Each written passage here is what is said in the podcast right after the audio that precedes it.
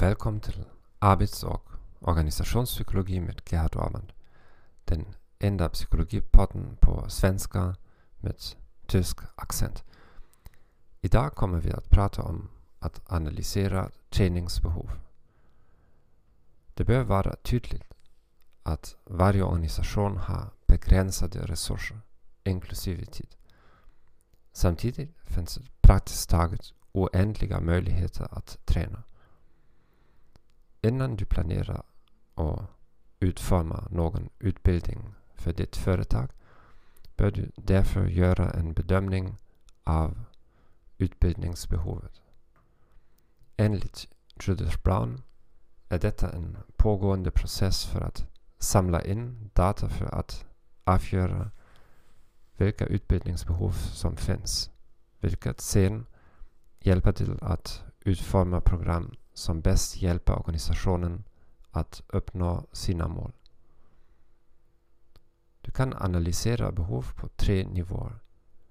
På organisationsnivå, på arbetsnivå och på den enskilda medarbetarens nivå. I en organisationsanalys kan du titta på trender i branschen. Hur kommer marknaderna att förändras inom en snar framtid? Och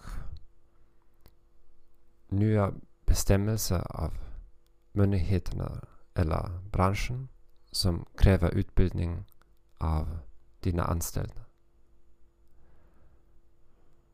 På arbetsnivå kan du göra en jobbanalys för att bättre förstå behoven i specifika positioner.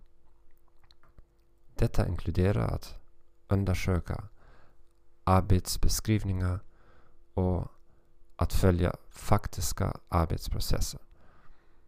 På individnivå tittar du på prestationsgranskningar eller på självrapporteringsåtgärder som frågeformulär eller enkäter.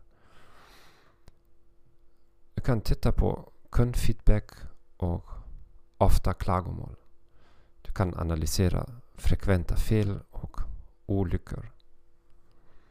Du kan undersöka fall av slösade resurser och ovanliga förseningar. Allt detta hjälper dig att definiera prestationskrav och tydliga inlärningsmål. Om din organisation har ett kvalitetsstyrningssystem måste du dokumentera hela processen för att bestämma utbildningsbehov. Jag tackar dig för att du lyssnade på denna podden. Om du vill att jag ska göra ett gratis webbseminarium om psykologin för interkulturell kommunikation för ditt företag, klicka på länken i anteckningarna för detta podcastavsnitt. Jag önskar er en trevlig dag och hej då!